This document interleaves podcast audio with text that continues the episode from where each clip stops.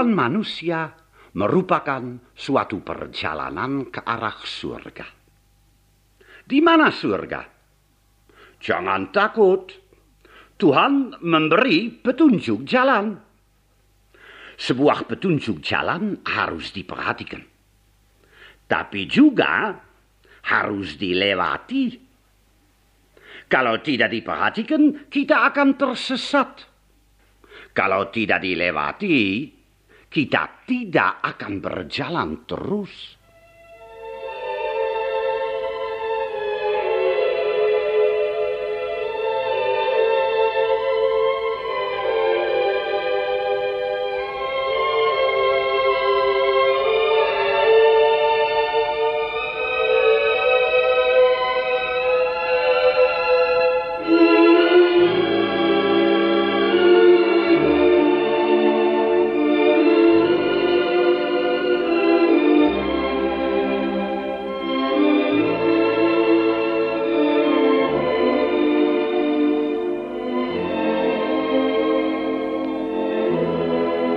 Saudara sekalian, petunjuk jalan dalam hidup kita merupakan sesuatu yang sangat serius. Karena di belakangnya berdirilah Tuhan. Setiap petunjuk jalan merupakan undangan dari Tuhan. Kadang-kadang menggembirakan, kadang-kadang menyedihkan. Kita dapat menerimanya atau menolaknya. Kalau kita menerimanya, kita berjalan terus. Kalau kita menolaknya, kita berhenti. Tak pernah akan sampai ke surga. Kadang-kadang undangan Tuhan begitu menggembirakan. Lihatlah dua orang muda itu keluar dari katedral. Misa perkawinan baru selesai. Di dalam mobil mereka saling berpandangan. Berkata, Manisku, sekarang kita akan berjalan bersama. Petunjuk jalan ini begitu membahagiakan mereka sehingga mereka hampir mau berhenti. Tapi syukur, mereka berjalan terus. Anak pertama datang. Ini petunjuk jalan lagi. Mereka merasa bagaikan dalam surga. Kemudian, secara mendadak, istrinya meninggal. Ini petunjuk jalan juga. Apakah ayah akan berjalan terus bersama anaknya sendirian? Ataukah dia akan berhenti? Semuanya tergantung pada sikap hatinya. Apakah dia siap setia untuk melihat Tuhan selalu di belakang setiap petunjuk jalan? Karena Tuhan datang pada waktu yang tidak disangka orang.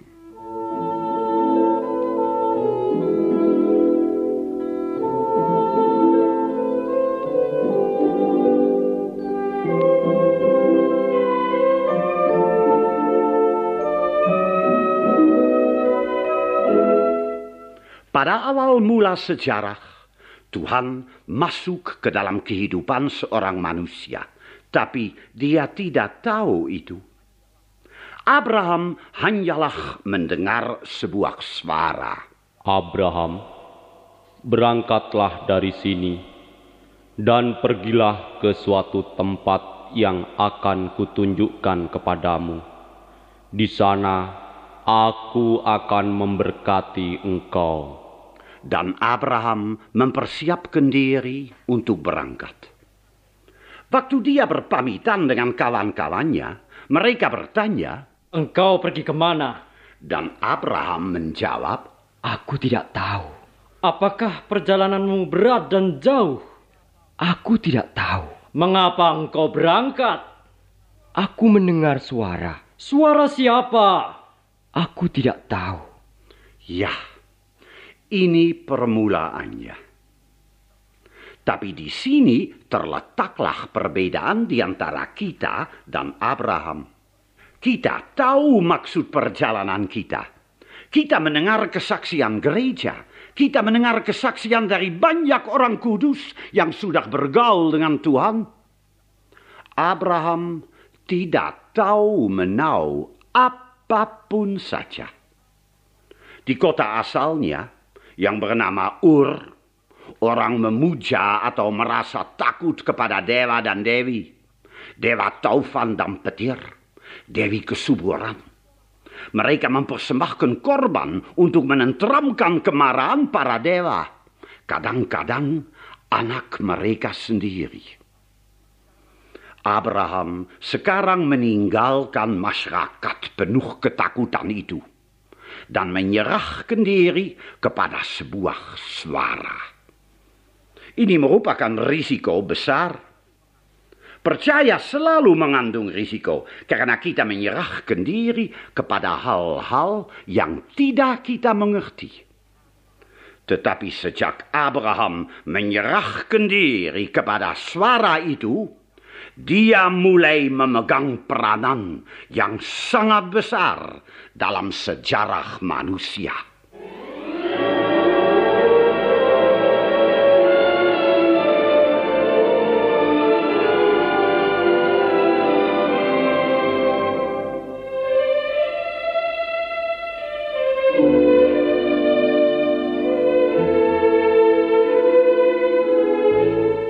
Abraham berangkat mengikuti suara itu dari satu petunjuk jalan ke petunjuk jalan lain. Dia memperhatikan dan melewati beratus-ratus petunjuk jalan. Dan lambat laun dia mulai insyaf bahwa dia mendengar suara itu di belakang tiap-tiap petunjuk jalan. Suara itu memimpin dia, melindungi dia. Ya, Abraham mulai mengenal Tuhan karena dia mengikuti suaranya. Dia tidak mengerti Tuhan. Seumpama Abraham waktu dipanggil mau mengerti, dia pasti tidak berangkat. Sekarang dia hanyalah mempercayakan diri kepadanya. Dan dia berjalan terus sendirian.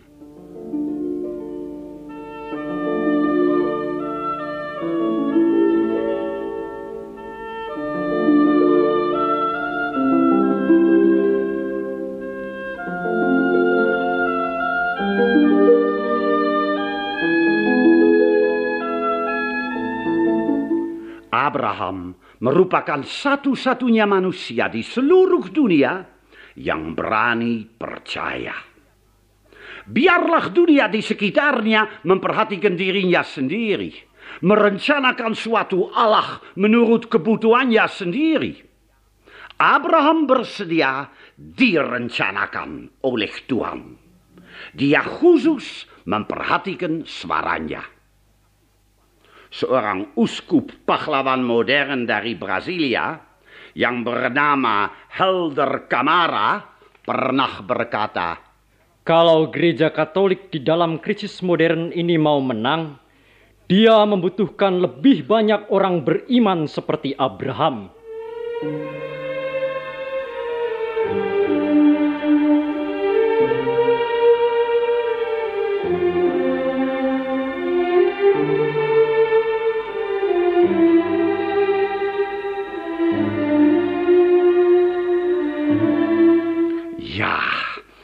Abraham membiarkan dirinya khusus dipimpin oleh suara Tuhan. Dan karena itu, suara itu menjadi lebih konkret baginya. Mendapat bentuk dan wujud. Menjadi Allah Abraham. Dan Abraham mulai mencintainya. Kalau Tuhan Allah mulai bergaul dengan kita, dia tidak lagi merupakan suatu Allah umum. Dia menjadi Allah kita.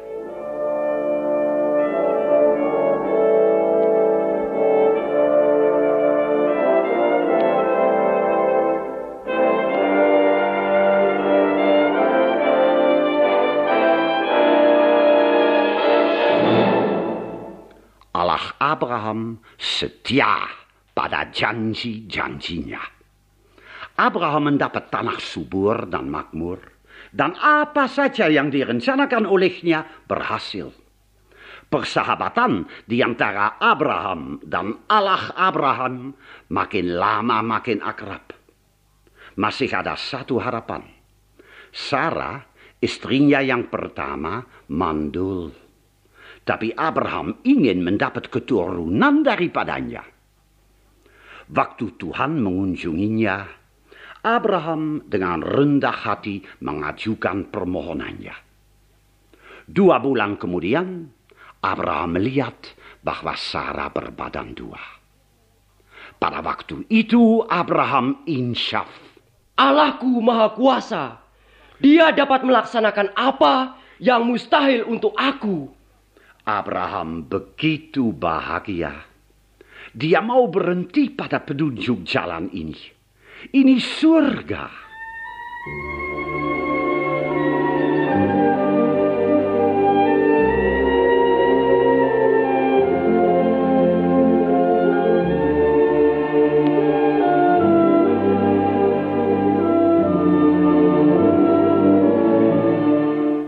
Tapi manusia harus berjalan terus. Terdengarlah suara Tuhan. Abraham, pergilah ke Gunung Muria dan persembahkanlah anakmu yang kau kasihi kepadaku. Sabda ini jatuh ke dalam hati Abraham seperti bom. Inilah petunjuk jalan juga. Ya, Tuhan datang pada waktu yang tak disangka oleh manusia.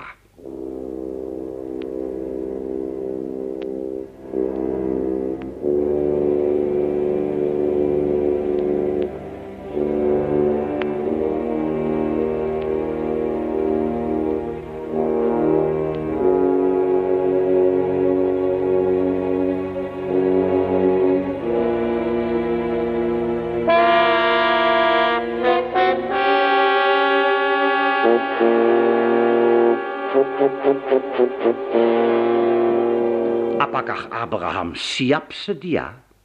Barangkali dia berpikir, Apakah Allahku tidak berlainan dengan dewa-dewi Ur yang juga harus dipuaskan dengan kurban anak? tapi Abraham berangkat. Dengan hati berat, tapi dia berangkat. Dan dengan begitu dia menjadi pelopor bagi kita sekalian. Hidup manusia itu berarti berangkat dari satu petunjuk jalan ke petunjuk jalan lain. Berjalan terus dan Tuhan ikut.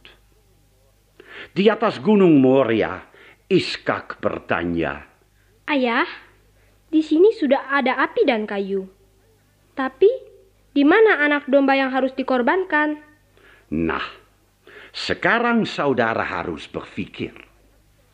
Coba bayangkan apa yang dialami oleh Abraham pada waktu itu. Kita tahu bahwa cerita ini ada happy end. Tapi Abraham tidak tahu. Dia khusus menghadapi tuntutan Allah yang mengerikan ini. Hampir mati ketakutan, putus asa, dia menjawab, Tuhan akan menyediakan kurban anakku. dan kita dapat membayangkan bahwa dia menambah, Kurban apa pun saja ya Tuhan. Tapi bukan anakku. Bukan anakku. Seorang pelukis Belanda yang bernama Rembrandt melukiskan korban Abraham dua kali. Dulu, waktu dia masih muda, dia kawin dengan Klaartje, seorang wanita yang cantik dari Amsterdam, dan dia mendapat anak daripadanya. Hidup Rembrandt tersenyum. Dia melukiskan Abraham penuh semangat mengacungkan pedangnya. Dia tidak takut, dia berani. Kemudian anak Rembrandt mati dan Klaartje menangis terseduh-seduh. Rembrandt melukiskan Abraham lagi. Takut, goncang, ragu-ragu. Dia hampir tidak berani mengangkat pedangnya. Ya, pada waktu itu Rembrandt tahu. Tuhan datang pada waktu yang tidak disangka oleh manusia.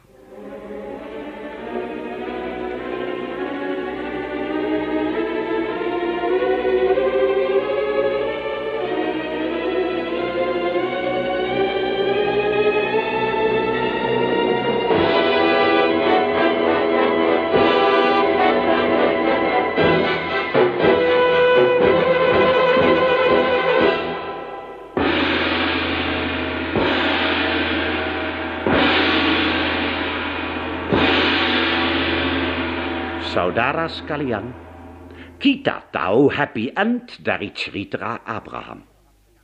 Waktu Abraham dengan anaknya turun gunung Moriah, dia berubah sama sekali. Dia menjadi dewasa dalam percobaan. Kepercayaannya tak dapat digoncangkan lagi. Dia melihat Tuhan berdiri di belakang semua petunjuk jalan dalam kehidupannya. Dia menjadi santo pelindung para beriman, termasuk kita sekalian.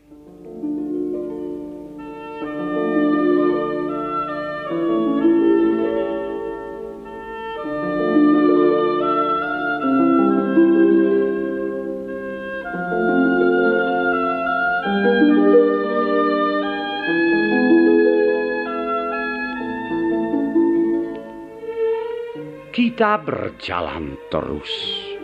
Lewat beraneka ragam petunjuk jalan. Penuh sukacita, penuh duka cita. Beranikah kita percaya bahwa Tuhan berdiri di belakang semua petunjuk jalan yang kita lewati? Kalau itu benar, kepercayaan kita akan bertambah kuat waktu kita berjalan.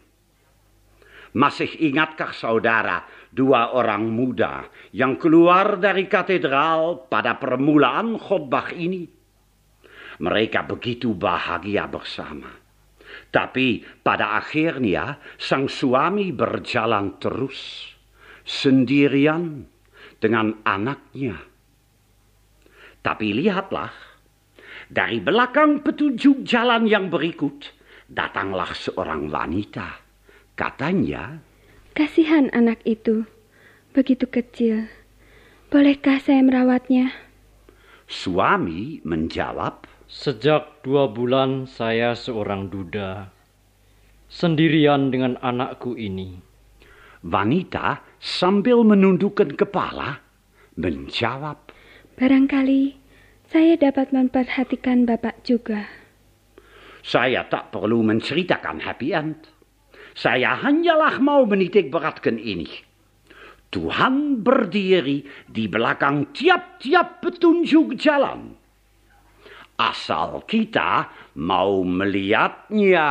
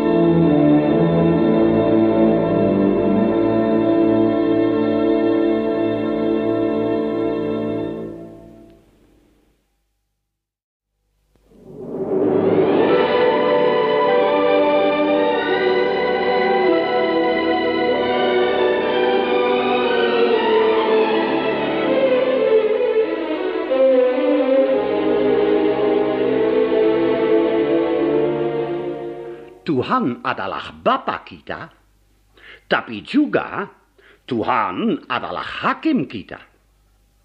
Apakah dua hal ini saling bertentangan?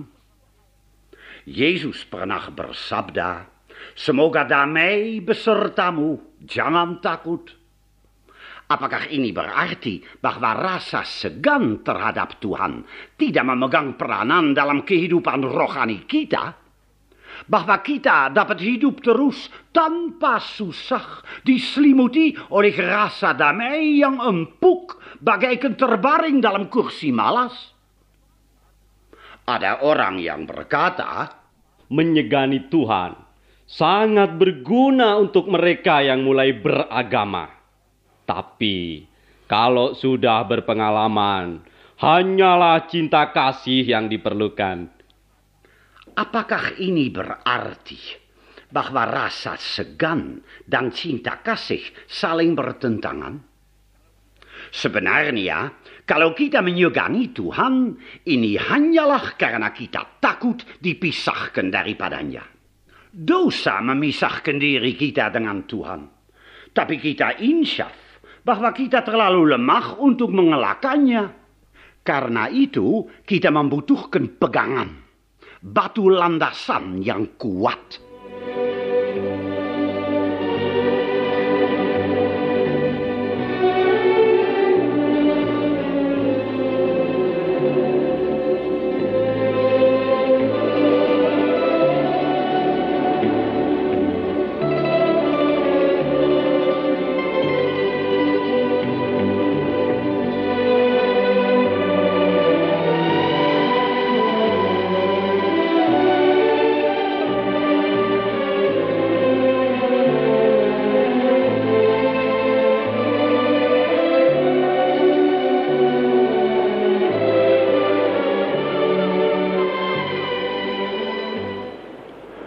Saudara pergi ke Gua Lanse, istana Nyai Roro Kidul, dekat Parangtritis di Jawa Tengah, saudara harus turun langkah per langkah lewat lereng sebuah batu karang yang tinggi dan curam. Kita melihat ke bawah. Di sana, seratus meter di bawah kita, mengamuklah samudera bergelombang besar, penuh ancaman. Awas, jangan jatuh. Kita menjadi takut dan pusing. Tangan kita mencengkeram, meraba-raba, mencakar batu karang yang kasar dan tajam, mencari pegangan untuk tangan kita, dan batu landasan untuk kaki kita yang goyah kita seakan-akan melekatkan diri pada batu karang. Jangan sampai kita jatuh dan mati tenggelam dalam samudera yang mengamuk.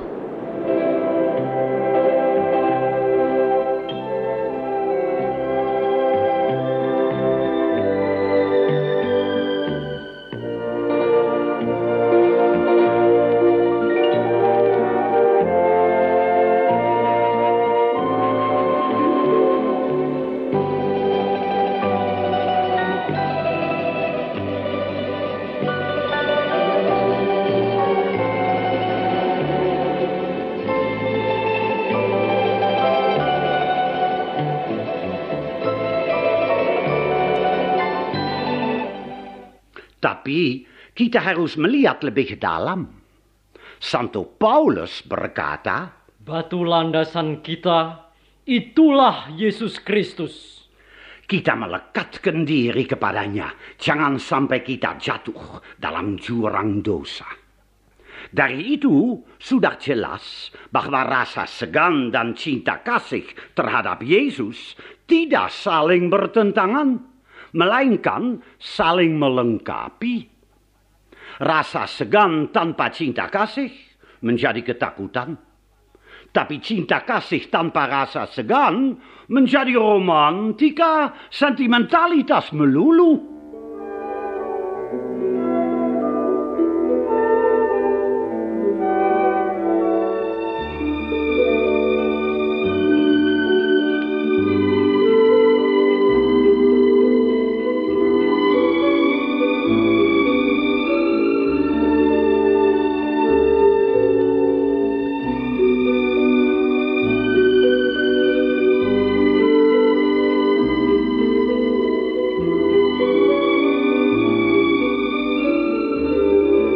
Santo Paulus tidak takut kepada Yesus. Karena dialah hakim yang adil. Dia bukan saja memperhatikan dosa kita, melainkan juga mengapa kita berdosa. Karena dia menyelami hati dan jiwa manusia. Karena itu, Santo Paulus tidak peduli mengenai apa yang difikirkan manusia tentang dia. Pengadilan manusia selalu memihak, tidak pernah objektif, tidak pernah lengkap. Lihatlah wanita tetangga itu yang tiap-tiap hari lewat jendela mengawasi apa yang terjadi dalam rumah Anda untuk menafsirkannya. Dia sejak lama merupakan surat kabar hidup dari kampung. Dengan fitnah dan hojat, dia meracuni pendapat umum. Seperti ular, dia merayapi korbannya, mengotori nama baik mereka, dan menyemburkan racunnya. Itulah latar belakang tafsiran manusia. Jangan memperhatikan pengadilan mereka. Yesus adalah hakim kita dia tahu keraguan kita, ketakutan kita, kesangsian kita, segala-galanya yang melatar belakangi perbuatan kita. Marilah kita melekatkan diri kepadanya. Jangan sampai kita jatuh ke dalam jurang keputusasaan yang menghancurkan kita.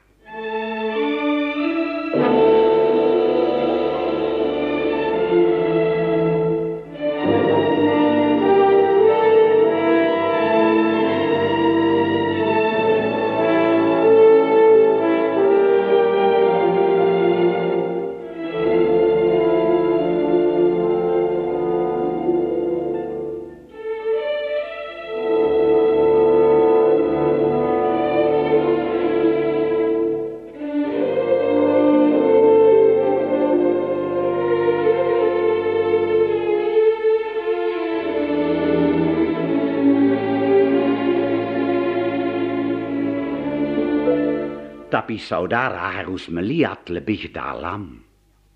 Di belakang hakim yang adil itu berdirilah sebuah salib. Dan Yesus tergantung padanya berdoa. Ya Bapa, ampunilah mereka, karena mereka tidak tahu apa yang mereka lakukan. Seakan-akan dia mau bersabda, Lihatlah, saya bukan saja mengadili engkau, saya juga mengampuni engkau, menyelamatkan engkau. Dan kita melihat ke atas, berpikir, Yesus dihancurkan oleh dosa kita. Tapi dia mempergunakan penghancuran itu untuk menyelamatkan kita. Waktu kita mengelus, dia merasa paku pada tangannya Waktu kita berdansa, kakinya ditikam. Waktu kita memfitnah, dia haus. Waktu kita bercinta, patahlah hatinya. Akhirnya dia berkata, terlaksanalah. Artinya, sekarang segala-galanya sudah kutebus. Tak ada sisa-sisa lagi dan dia wafat. Dia membiarkan dirinya dilempar ke dalam jurang kematian supaya kita takkan jatuh ke dalamnya. Itulah Yesus, batu landasan kita. Mengapa kita tidak mau melekatkan diri kepadanya?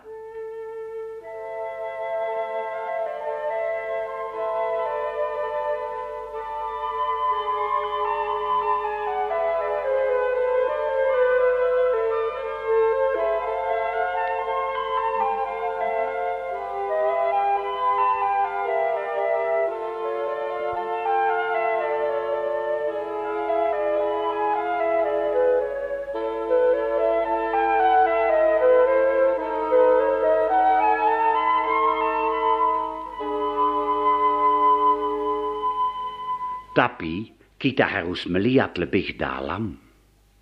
Berkat penebusan Yesus, Allah Bapa masuk kembali lagi ke dalam ciptaannya. Dan dunia yang ditebus memperlihatkan lagi cahaya Allah yang hidup di dalamnya. Saudara belum pernah melihat cahaya itu. Yesus mengarahkan pandangan kita. Sabdanya, Perhatikanlah bunga bakung di ladang yang tumbuh tanpa bekerja dan tanpa meminta. Namun, aku berkata kepadamu, Salomon dalam segala kemegahannya pun tidak berpakaian seindah salah satu dari bunga itu. sebenarnya apa yang dibuat oleh bunga itu sehingga mereka begitu indah? Mereka hanyalah memperlihatkan cahaya yang hidup di dalam mereka. Dan karena itu mereka bercahaya.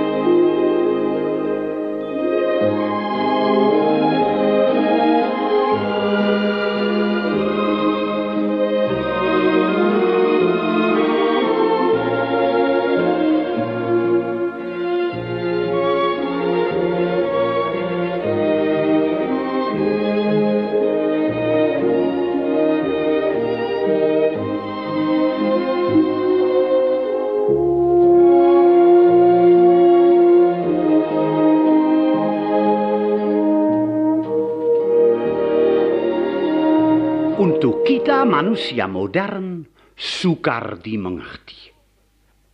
Kita mau berprestasi sendiri. Dunia modern ini diukur oleh rekor dan prestasi manusia yang menggemparkan. Kita mirip orang Parisi itu yang berdiri di dalam bait Allah Yerusalem dan membanggakan diri karena prestasinya. Lihatlah Tuhan, saya berpuasa tiga kali seminggu, dan sepersepuluh dari pendapatan saya, saya berikan kepada orang miskin.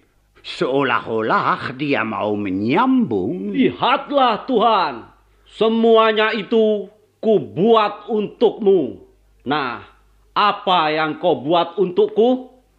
Bagi orang Parisi itu, agama berarti berdagang dengan Tuhan. Lain tidak. Dia tidak membutuhkan batu landasan lagi. Dia sudah berdikari. Dia harus takut. Di belakangnya mengancamlah samudera. Tapi lihatlah si pemungut bea itu. Dia berlutut di sebuah pojok gelap dari bait Allah dan berdoa, Ya Tuhan, kasihanilah aku, orang yang berdosa ini. Dia melekatkan diri pada Yesus, batu landasannya. Dia tidak usah takut. Dia takkan jatuh.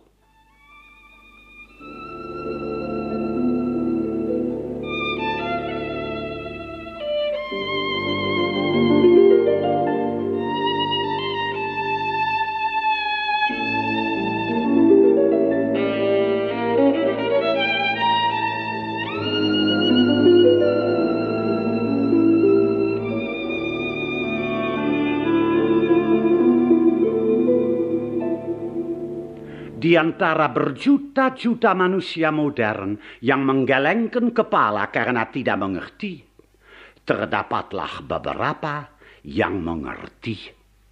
Dan mereka menjadi sangat menarik. Satu setengah abad yang lalu di negeri Prancis hiduplah seorang pastor tolol dan goblok. Dia tak pernah lulus untuk ujiannya di seminari, tapi uskup menghendaki bahwa dia ditahbiskan. Oleh administrasi diocese, dia ditugaskan di suatu paroki yang sudah kacau balau, sehingga dia tak bisa dikacaukan lagi oleh pastor yang goblok itu. Ialah paroki dari kampung Ars. Pastor baru masuk.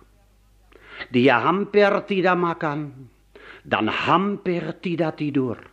Dan waktu malam dia berkelahi dengan setan yang mencoba membakar tempat tidurnya. Jangan sampai pastor dapat beristirahat.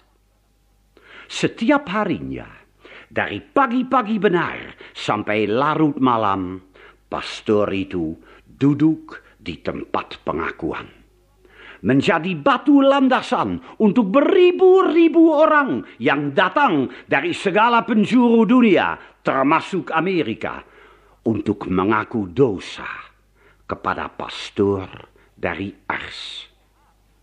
Di kampung Ars didirikan beraneka ragam hotel untuk menampung para wisata rohani, dan pastor mulai menjadi seorang yang ternama. Tapi anggapan pastor sendiri tentang bakat-bakatnya rendah sekali. Dua kali waktu malam dia mencoba untuk melarikan diri. Putus asa. Tapi syukur dihalang-halangi oleh para beriman. Sekarang pastor yang goblok itu diangkat oleh Roma menjadi santo pelindung dari semua pastor bijaksana di seluruh dunia. Bagaimana itu mungkin? Karena pastor dari Ars tahu kelemahannya. Dan karena itu dia mati-matian melekatkan diri kepada Yesus, hakimnya dan saudaranya. Dia tak pernah memperhatikan dirinya sendiri, melainkan khusus roh Yesus yang hidup di dalamnya. Dan karena itu dia menjadi seorang pastor yang menarik dan bijaksana. Sebuah batu landasan bagi beribu-ribu manusia.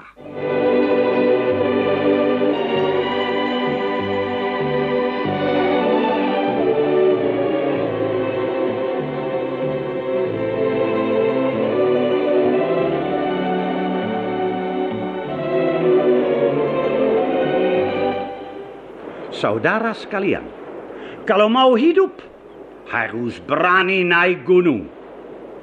Langkah demi langkah kita berjuang dengan batu karang yang kasar dan tajam. Jangan melihat ke belakang. Anda pasti akan pusing dan takut. Tapi carilah pegangan kepada Yesus yang berdiri di samping Anda, bersedia untuk berjuang dan berkorban dan naik bersama Anda. Dan untuk penghabisan kalinya, saya mohon agar saudara melihat lebih dalam.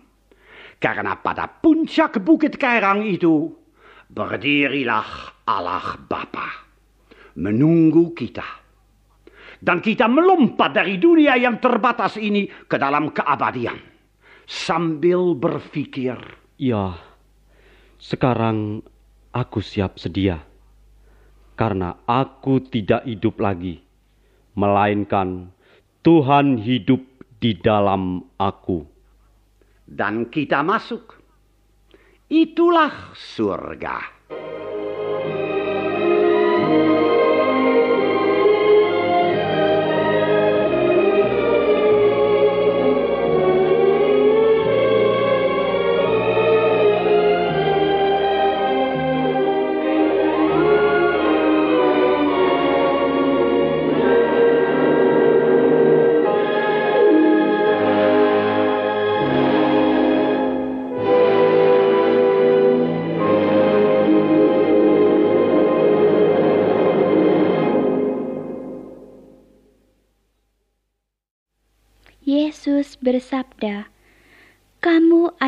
Garam dunia.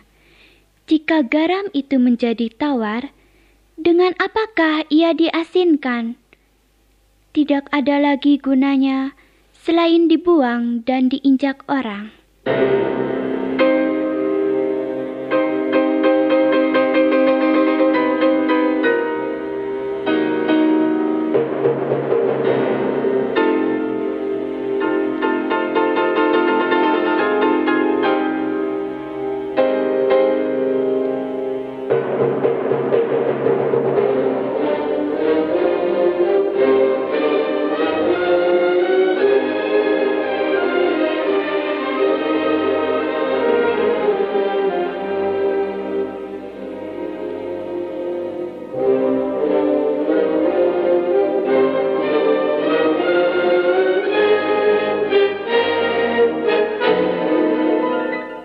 Kita diberi tugas menjadi garam.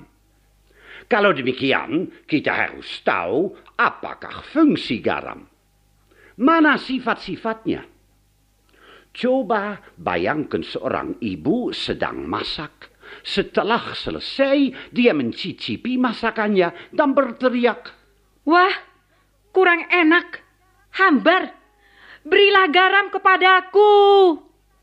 Dia menambahkan garam dan masakannya menjadi gurih. Garam menggurihkan. Tangan saudara terluka. Kemudian saudara membubuinya dengan garam. Saudara akan merasa pedih. Ya, garam menyakiti juga. Tapi daging yang harus disimpan lama lebih baik dibubui garam dulu. Jangan sampai menjadi busuk. Garam menyelamatkan. Anehnya, garam sama sekali tidak cocok dengan daging yang mau menjadi busuk itu. Dia melawannya. Dan justru karena itu, dia menyelamatkannya. Rupanya, kerap kali garam menyembuhkan justru karena menyakiti.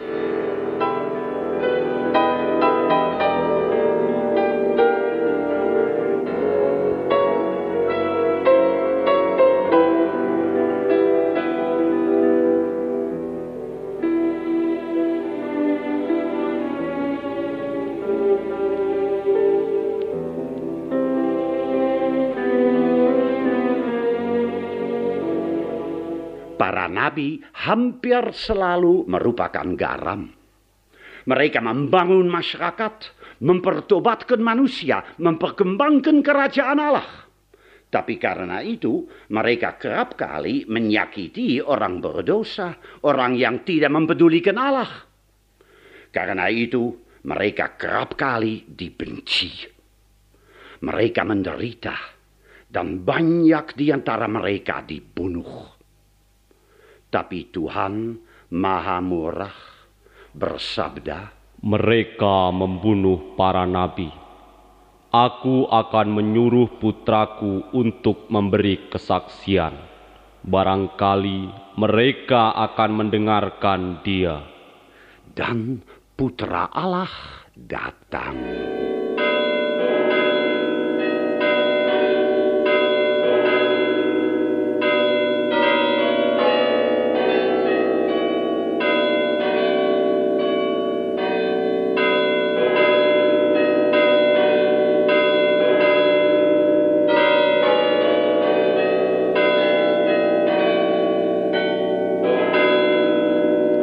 Saudara dan saudari sekalian, sejak dulu di dalam hati tiap-tiap manusia terkandunglah kerinduan akan Tuhan. Mereka mau melihatnya, mereka mau mendengar suaranya. Tapi Tuhan selalu terlalu kuat bagi mereka. Mereka tidak betah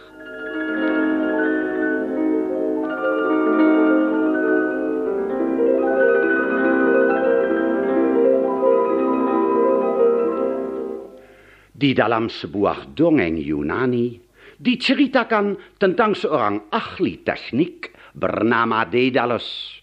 Dia mempunyai anak yang bernama Icarus yang mengagumi matahari.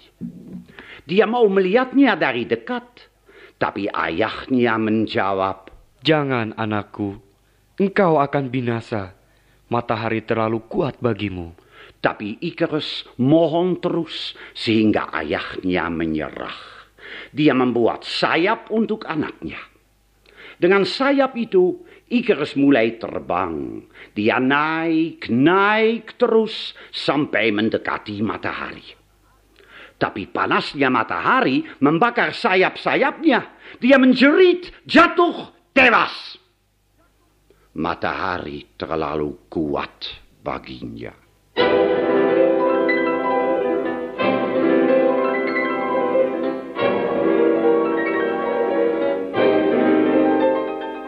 Di Gunung Sinai, Nabi Musa berdoa, Tuhan, tunjukkanlah wajahmu kepadaku.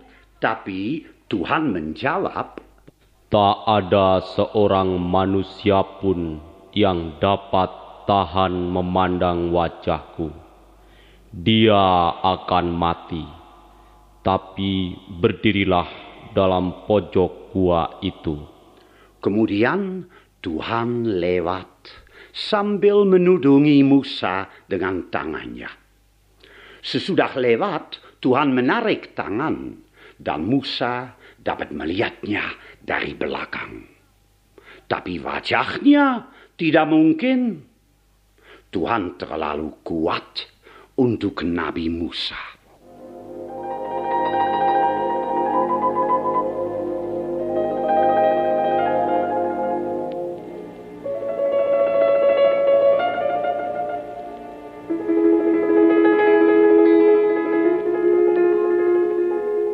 Dan bagaimana gadis kecil itu yang mau menggambar Tuhan? Dia bekerja terus, gagal, berhenti, tapi tiap-tiap kali mencoba lagi. Akhirnya sambil menangis, dia merobek segala-galanya, mengeluh. Saya tak dapat melukiskan Tuhan. Dia terlalu indah. Ya, Tuhan terlalu kuat baginya.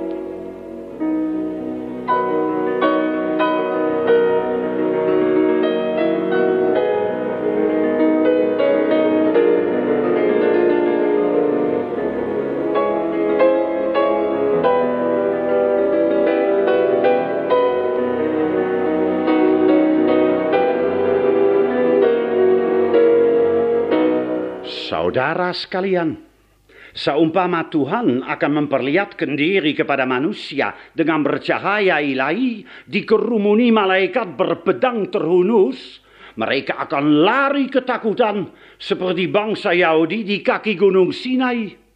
Mereka tidak betah. Karena itu Tuhan mengambil putusan untuk menjadi manusia. Akan tetapi, apakah saudara pernah berpikir tentang akibat-akibatnya? Kalau saya memilih, saya harus menerima akibat-akibat dari pilihannya.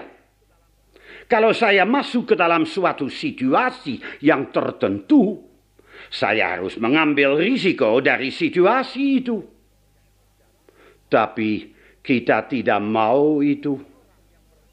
Ada seorang yang berkata, Di bulan Desember saya mau pergi ke negeri Belanda untuk berlibur.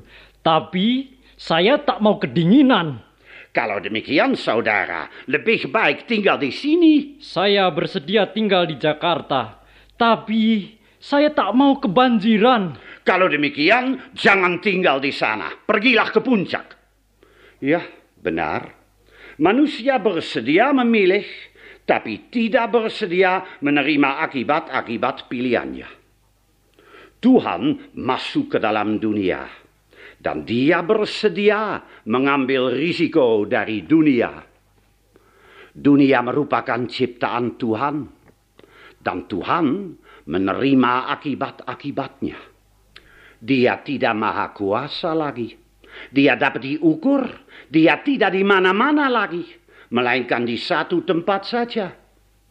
Ya, Tuhan yang tak terbatas mendapat batas-batasnya. Dunia dilukai oleh dosa dan Tuhan menerima akibat-akibatnya. Tubuhnya dapat jatuh sakit, dia dapat mati. Jiwanya dapat merasa sendirian, putus asa. Ya, Tuhan yang maha bahagia dapat menderita dan menangis.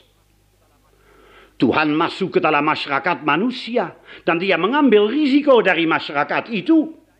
Namanya akan dinodai, cita-citanya akan ditertawakan, dia akan dibenci dan akhirnya dia akan dibunuh. Mengapa? Karena dialah garam dunia. Dan dia mau mengambil risiko dari sifat-sifat garam itu.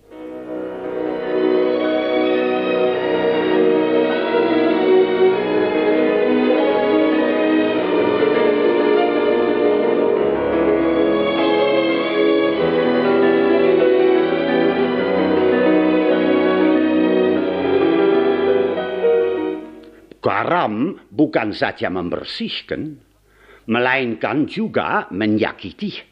Dan banyak pendosa tidak mau disakiti. Tanpa pantang mundur, Yesus melawan setan dan pengikut-pengikutnya. Dia tidak tawar-menawar, melainkan dengan tegas berkata, Nyahlah iblis, Saumpama Yesus berteriak, taatilah orang Romawi, karena mereka paling kuat. Oh, kalau demikian, Yesus pasti menjadi sangat kaya dan populer dengan orang kolonialis. Tapi dia tak mau itu.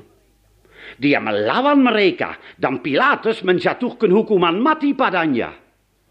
Tapi membasuh tangannya karena tidak mau menerima akibat-akibat pilihannya. Yesus tidak menyesuaikan diri dengan kemunafikan para alim ulama yang menyalahgunakan agama untuk memperkaya diri dan merebut kekuasaan. Dan mereka kuat betul. Tapi Yesus berkata, Taatilah perintah mereka, karena mereka berwibawa, tapi jangan mengikuti teladan mereka yang jelek. Bahkan dia menyebut mereka kuburan putih di luar bersih, di dalam kotor dan busuk. Memang seorang semacam ini harus lenyap. Garam menyakiti. Tapi sejak waktu itu berkat korban Yesus kita hidup dalam dunia yang ditebus. Garam menyelamatkan.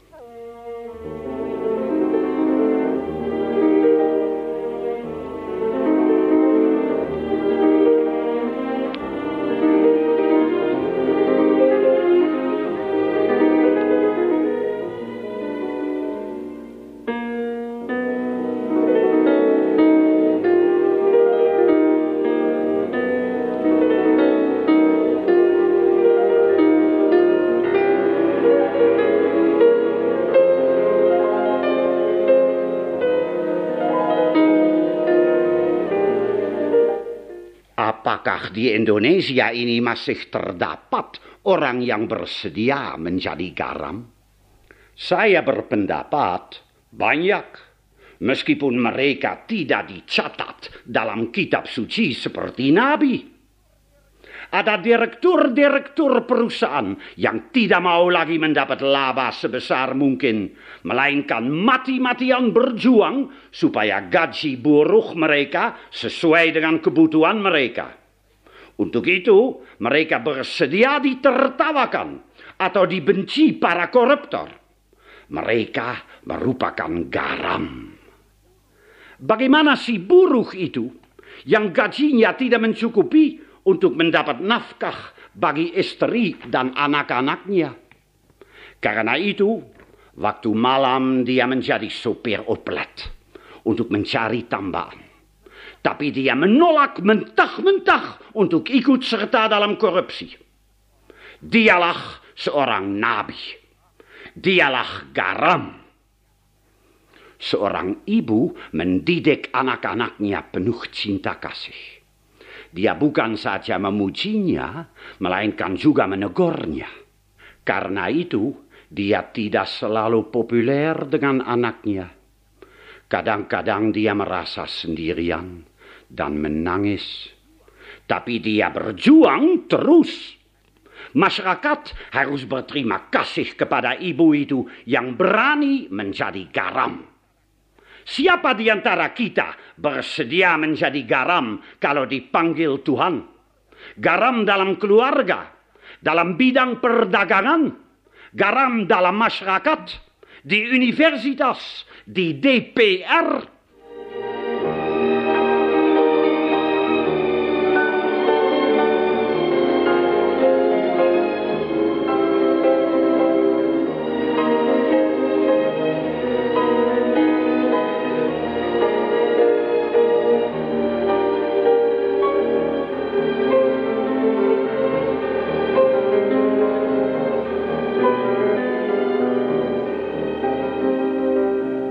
Saudara sekalian, setiap kali saudara menyambut komuni, Yesus masuk ke dalam hati Anda dan karenanya mengambil risiko dari hati Anda. Bagaimana Anda akan menyambutnya? Dengan hati dingin dan tak peduli? Kalau begitu Yesus akan merasa sendirian. Atau dengan hati yang dinodai dosa? Kalau begitu Yesus akan menderita. Atau dengan hati penuh cinta kasih. Kalau demikian, saudara harus berdoa. Yesus, saya takut. Tapi kuatkanlah hatiku menjadi garam, karena saya melihat bahwa ini merupakan satu-satunya jalan untuk membangun tanah air dan gereja yang begitu kucintai. Amin.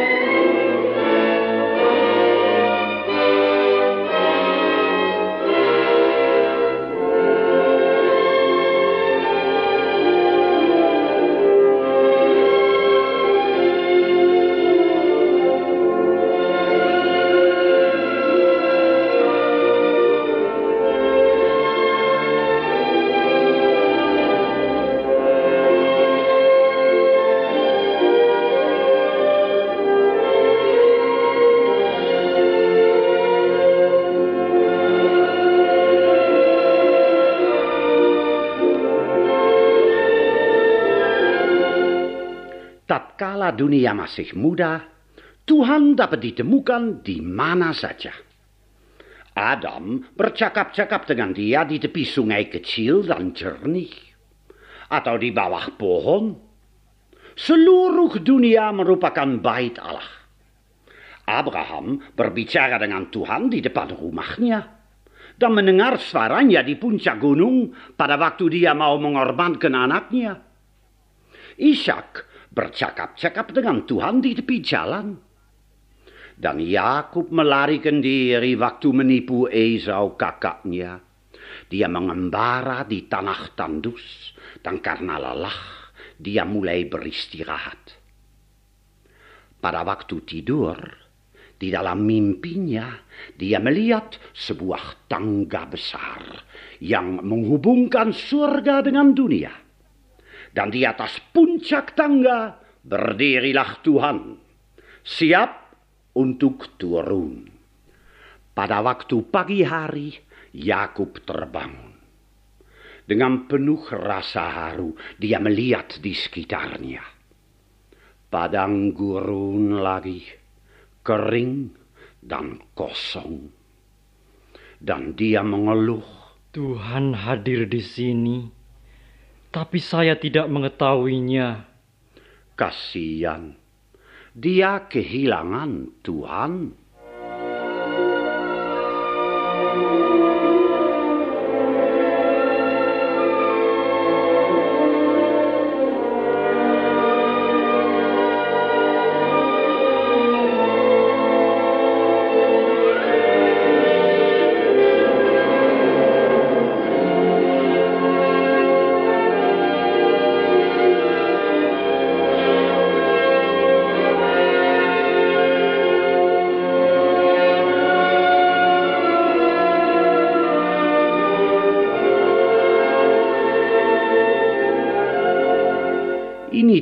Mengherankan. Sejak Adam memberontak, dosa mulai merajalela dan bagaikan penyakit menular telah menodai segala-galanya.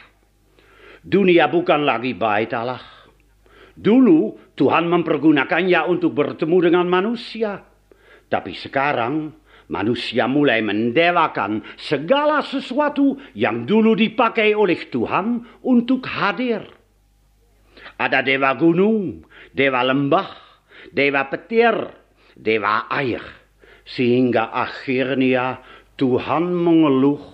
Tak ada tempat lagi di dunia ini yang tidak kamu perdewakan. Tapi Tuhan Allahmu tidak kau perhatikan lagi. Kemudian bangsa Yahudi mendapat tugas untuk mengusir para pemuja berhala. Mereka datang di bawah pimpinan Musa dan Yosua. Meletuslah perang yang menggelisahkan, yang berlangsung terus berabad-abad lamanya. Semua tempat berhala dihancurkan, semua pemuja berhala dimusnahkan.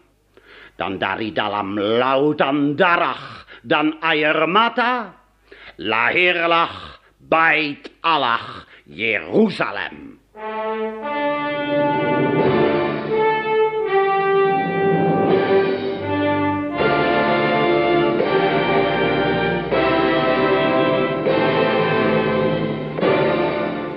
Ketika nafiri berbunyi dan Raja Sulaiman membuka pintu gerbang, tabut perjanjian diusung masuk oleh para imam ke dalam tempat suci.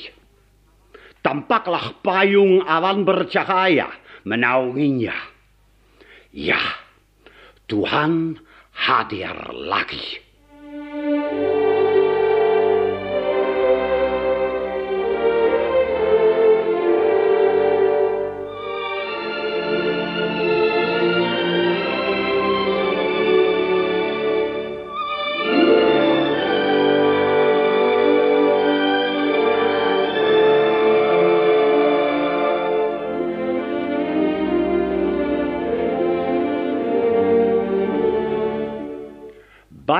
Yerusalem merupakan kebanggaan bangsa Yahudi. Satu bait Allah untuk Tuhan yang Maha Esa. Dibuat dari marmor yang mahal dilapisi emas, intan, dan berlian untuk memberi hormat kepada Tuhan yang Maha Sempurna. Semua itu perlu, tepat, dan beruntung tapi ada ruginya juga. Tuhan masih begitu jauh dari umatnya. Hanyalah satu kali setahun. Satu orang, ialah imam agung, yang boleh bertemu dengan dia. Tuhan hanya hadir di satu tempat. Terpisah dari umatnya, disekat oleh tirai raksasa yang menyembunyikannya di luar bait Allah terus-menerus mengamuklah perang, kejahatan, kebencian, kecabulan. Memang di luar bait Allah Yerusalem Tuhan tidak hadir.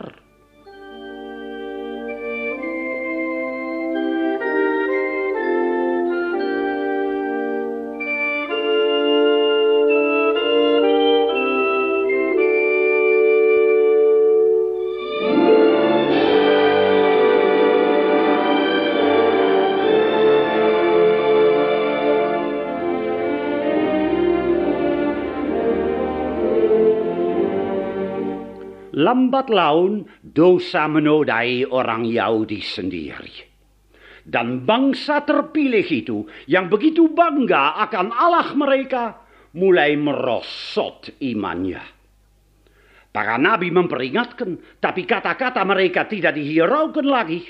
Dan mereka sendiri bahkan dibunuh.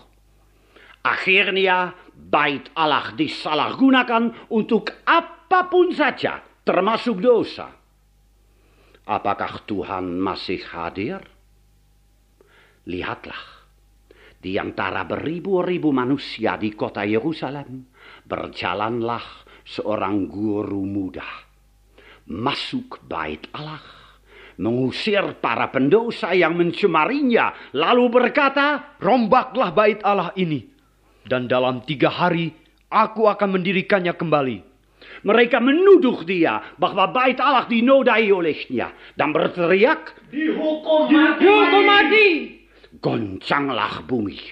Petir menggelegar. Manusia lari.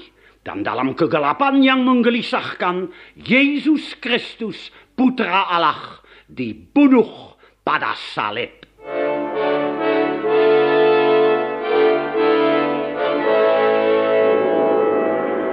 Terobeklah tirai raksasa yang memisahkan Tuhan dengan umatnya. Dan dia masuk lagi ke dalam dunia. Berkat pengorbanan putranya. Lahirlah bait Allah baru. Bukan berwujud gedung mewah. Melainkan berupa umat baru. Keluarga Allah.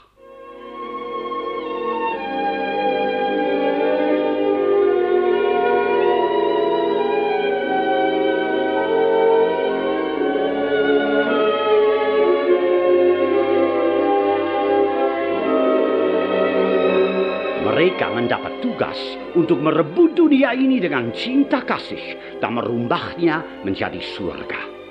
Tuhan dapat ditemukan lagi di mana saja dan mereka berhasil menemukannya, mengubah hidup mereka menjadi pergaulan dengan Tuhan. Paulus menyebut mereka bait Allah Roh Kudus karena Tuhan hidup di dalam hati mereka dan kita bicara tentang orang kudus.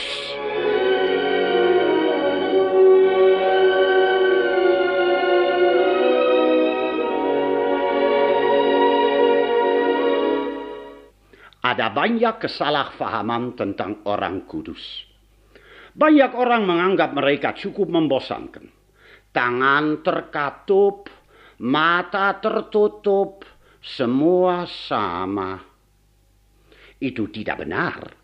Tiap-tiap orang kudus mempertahankan sifat, bakat, dan ciri-ciri sendiri, tapi mempergunakannya untuk memuja Tuhan. Ada orang suci yang tinggal di dalam biara, tapi ada juga yang terus hidup dalam dunia dan menikmatinya.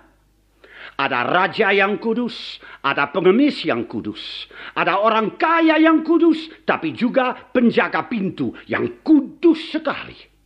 Mereka berbeda-beda, tapi justru karena itu mereka begitu menarik. Tapi dalam satu hal mereka semua sama. Hidup merupakan pergaulan dengan Tuhan. Berkat apa pun saja yang mereka miliki, ada apa saja yang mereka alami, semuanya itu mereka pergunakan untuk bergaul dengan Tuhan.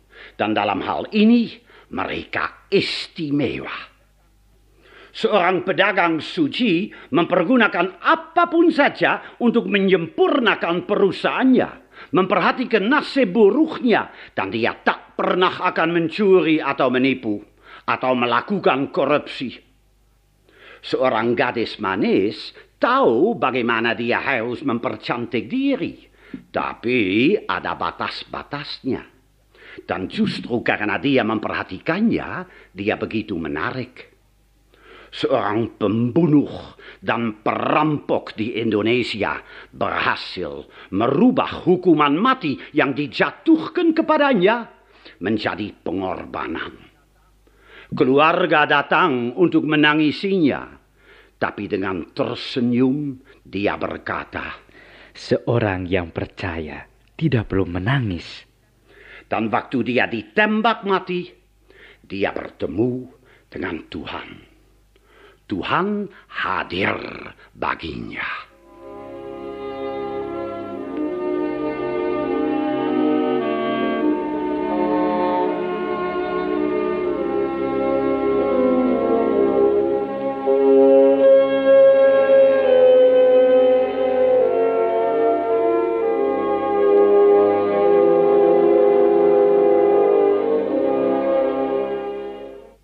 Gereja Indonesia masih muda. Kita belum mempunyai orang kudus yang secara resmi diakui oleh Roma, tapi kita sekarang sudah mulai dengan seorang pembunuh kudus.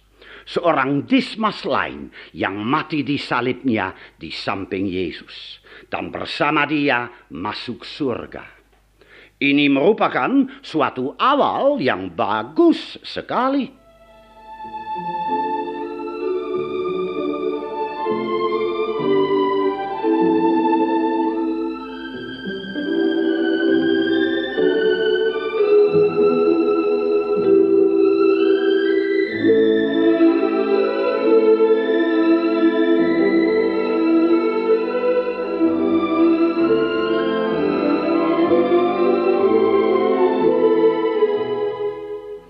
Tuhan dapat dijumpai di mana-mana. Tapi di pihak lain, berjuta-juta orang Katolik di seluruh dunia belum dapat melupakan bait Allah Yerusalem. Mereka berpikir, di dalam gereja kita berdoa, kita menghadap Tuhan yang hadir di sana. Tapi di luar gereja tidak ada agama, apa saja boleh berbuat di sana. Mereka lupa bahwa mereka di dalam gereja menghadiri misa, menyambut komuni untuk memperkuatkan diri dan mendapat ilham supaya mereka bertemu dengan Tuhan dan melihatnya di luar gereja. Seorang ahli politik dengan senyuman pahit telah berkata, Di bidang politik, cita-cita Kristus tak dapat dipraktekan. Kasihan dia. Kalau pada akhir hidupnya mereka melihat kembali, barangkali bersama Nabi Yakub mereka akan mengeluh. Tuhan beribu-ribu kali hadir dalam hidupku, tapi saya tidak mengetahuinya. Semoga ini tak pernah terjadi.